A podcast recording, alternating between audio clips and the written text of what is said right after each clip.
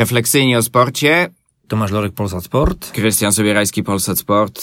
A teraz y, w tym odcinku porozmawiamy o tenisie i o takim cyklu, który nie jest e, pierwszej wielkości, jeśli chodzi o tenis. Jest niezwykle kochany przez część kibiców, ale z pewnością nie jest doceniany. Można by tak e, to określić. Porozmawiamy o Davis Cupie, który przeżywa swoje trudne chwile i będziemy się troszeczkę spierać, e, bo wydaje mi się, że gdzieś mm, te nasze postawy to jest serce i rozum.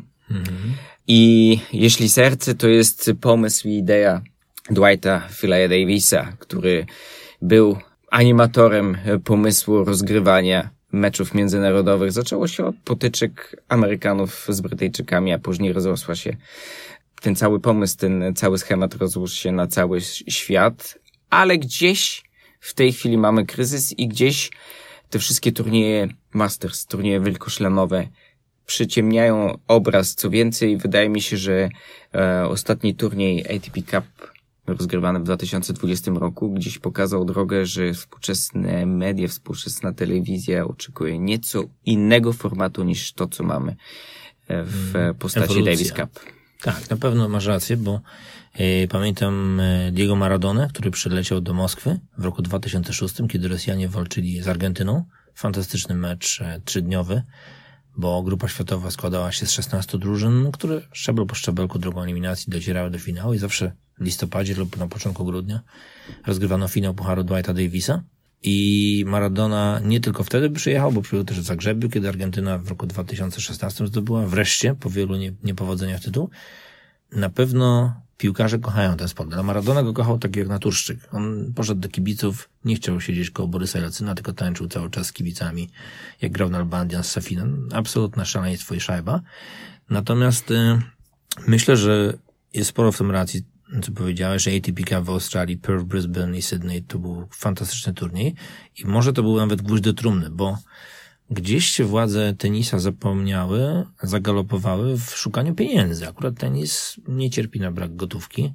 Oczywiście nie mówimy o turniejach niskobudżetowych Challengera Futuresach, gdzie się wspinają albo po kontuzjach chłopcy, albo ci, którzy dopiero wchodzą w zawodowy sport, ale na pewno David Haggerty, prezydent ITF, Amerykanin z krwi i kości, chyba przegapił ważny moment, bo nie słuchał środowiska i Federera i Hewita, którzy powiedzieli, my nie znamy się na futbolu na tyle, żeby zmieniać reguły Ligi Mistrzów.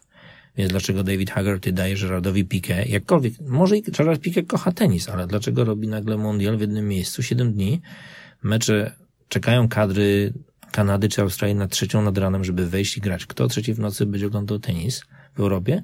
w sensie żywej publiczności, wtedy jeszcze nie było pandemii. Młodzi e, tenisiści, Szapowalow, e, Alezim, kochają ten nowy format. Starsza generacja tenisistów, czy też byłych wielkich mistrzów typu Hewitt Federer mówi absolutnie nie. To jest e, zakopanie tradycji. Ponad 100 państw brało udział na początku, mówię, że o Australii, czy Wielkiej Brytanii, i USA to się rozrosło do ponad 100 państw i zawsze miało ten sam format. Piątek dwa deble, sobo, piątek dwa single, sobota debelek, niedziela ewentualne dwa single. Chorwacja e, z Francją w Lille, e, Serbia, Francja 2000. No, były fenomenalne mecze, które miały taki ładunek emocjonalny, że wyrywało trzewia. Ale ktoś powiedział, pieniążki od Gerarda Piqué nie śmierdzą.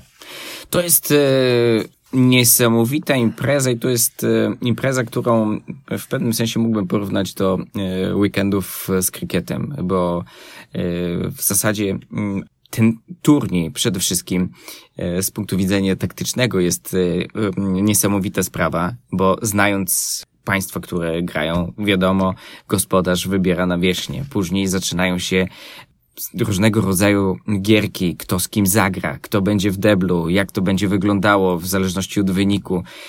Ma to swój urok z jednej strony i ja zdaję sobie sprawę, że to jest e, e, z pewnością pewna nieodłączna część e, historii tenisa i, i, i tego, co mamy od wielu, wielu lat. W zasadzie od 70 bodajże trzeciego roku mamy już profesjonalnych tenisistów w Davis Cupie. Już, już zaczęła się na dobre ta walka między państwami, ale z drugiej strony, z punktu widzenia czysto komercyjnego, telewizyjnego, mecze rozgrywane w, we wrześniu, a później gdzieś w marcu, a później w jakimś innym terminie, który jest akurat e, w kalendarzu, e, trudny jest do sprzedania jako uwaga, uwaga dla widza. To nie jest US Open, to nie jest Wimbledon, to nie jest e, inny wielkoszlemowy turniej, czy turniej Masters, który zawsze co roku jest w, o danej porze i ludzie wiedzą, że to jest ten moment, kiedy ja mm, zasiadam przed telewizorem, bo czeka na mnie wielkie wydarzenie. I gdzieś zdajesz y, sobie sprawę z tego, że umyka to piękno Davis Cupowe, które nie każdy kibic jest w stanie zobaczyć.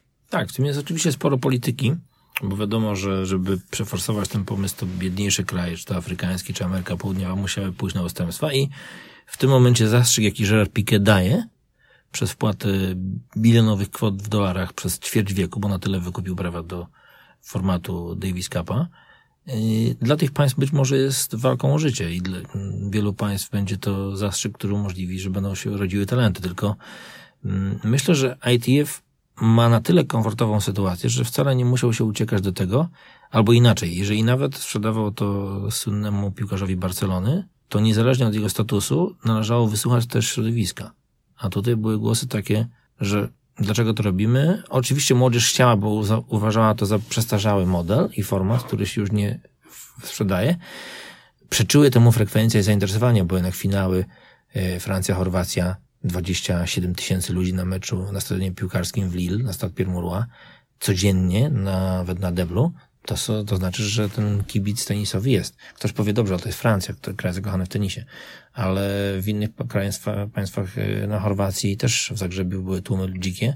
W Belgradzie? W Belgradzie, kiedy wychodzili Serbowie z 1-2 z Bogdą Boczą Bradowiczem i pokonywali Francję z Giforze w roli kapitana, to był niesamowity weekend, więc myślę, że kumulacja na pewno, oczywiście, że są zwolennicy, ja też rozumiem to, o czym mówisz, że 7 dni ciurkiem grany tenis w jednym miejscu w Madrycie ma swoją zaletę, bo masz taki mini mundial piłkarski, tak? Tak, tak. I to na pewno sprawia, że to dla telewizji jest łakomy kąsek. Natomiast myślę, że uratował pierwszą edycję tylko fakt taki, że Hiszpanie zagrali fantastycznie, zresztą od lat miała świetną kadrę i Rafa Nadal sprawił, że ekipa wygrała. Rafa stworzył modę na tenis. Dzieci w Hiszpanii chcą być nawet nie tenisistą, tylko chcą być Nadalem, mówią małe brzdące które biegają po Półwyspie Iberyjskim, więc myślę, że na pewno zbyt dużo komercyjnego podejścia dla sentymentalistów zabiło duszę i pojawiły się też głosy w tym roku podczas Australian Open. Co zrobić? Są dwa mundiale, z ATP Cup i z Davis Cup, rozgrywane w odstępie miesiąca? Właśnie to pytanie chciałbym Ci zadać, bo e, format ATP Cup e, pokazał, przynajmniej z komercyjnego punktu widzenia, przecież to jest turniej bez historii, to jest debiut, pierwsza, mhm. pierwsza impreza, pierwsza edycja, ale przyjęcie globalne było fenomenalne. Absolutnie fenomenalne. E, miałeś bardzo dużo oglądalności, jeśli chodzi o czysto finansowo-komercyjny punkt widzenia na ten turniej i wszelkie sygnały do tego, że ten cykl należy kontynuować. Ale z drugiej strony jest ta legenda i jest ten Davis Cup, który w jednym e, momencie szuka swojej własnej drogi. Nie chce odchodzić od ideałów i od tego, co przez lata było w zasadzie solą tego turnieju, a z drugiej strony jest konfrontowany z obecną rzeczywistością, gdzie trzeba sprzedać reklamy i pokazać to w prime time. Powiem tak, dla mnie starszego pana przyjazd do, nad Wołtawę do Pragi na setną edycję, setny finał Pucharu Davisa, 2012 rok, Czechy, Hiszpania. Alex Korecia kontra Jarda Navratil, Stiepanek, Berdych, Ferrer, Almagro. E, fantastyczne mecze. 3-2, ostatni mecz decydował o wszystkim, hala wyprzedana na pniu i dla mnie możliwość tego, że jako akredytowany dziennikarz jedziesz w czwartek sobie e, na zamek praski i dotykasz Pucharu Davisa, możesz sobie pogadać to jako trofeum z ludźmi tenisa, fantastyczne. Ale dostrzegam ogromny potencjał w ATP Cup. Dlaczego? Dlatego, że formuła jest genialna, bo Debel pokazał, czy to Jamie Murray, czy Nick Kyrgios, czy Alex de Minaur, czy chociażby Serbowie, którzy pokonali Hiszpanię w finale po fascynującym meczu pary Trycki-Dżakowicz, teoretycznie gorszej od hiszpańskiej pary Karenia Busta, Feli Lopez, że format, gdzie Debel decyduje, daje Deblowi większą szansę, jest smaczek, bo deblowe mecze podczas ATP Cup były fenomenalne i myślę, że czym zyskuje ATP Cup dzisiaj, to mi się też podoba, że jest odmrożenie tej starej, zmurszałej stre, strefy Davis Cupa, że jest drużyna, która żyje. Jest Tim Henman, który skacze, jest Mara Safin, który skacze i to jest widać, że to tak, jest zespół. To, to była esencja. Mhm. Oglądać reakcje wszystkich, e, e, chociaż w Davis Cupie masz e, bardzo podobną sytuację. Ja na przykład bardzo szanuję sobie w, i szanowałem sobie zawsze w tych konfrontacjach państw i, i to, co reprezentował Davis Cup, że mimo wszystko nie było szowinizmu. Mhm. Nie było Klasa. tej też e, czasami nacjonalistycznej orgii, która towarzyszy nam w e, innych e, dyscyplinach sportowych, że rodzą się emocje, które już są poniżej dobrego smaku. Tak, Tim Herman y, biegł do Leightona Hewita po fascynującym meczu, gdzie Anglicy przegrali przez jeden volley Murray'a, Jamie'ego Murray'a, przegrali szansę na awans do półfinału. Więc y, pokazali Anglosasi, że kochają sport. Mimo, że Herman mocno wierzył w to, że pokonają Australijczyków na ich terenie.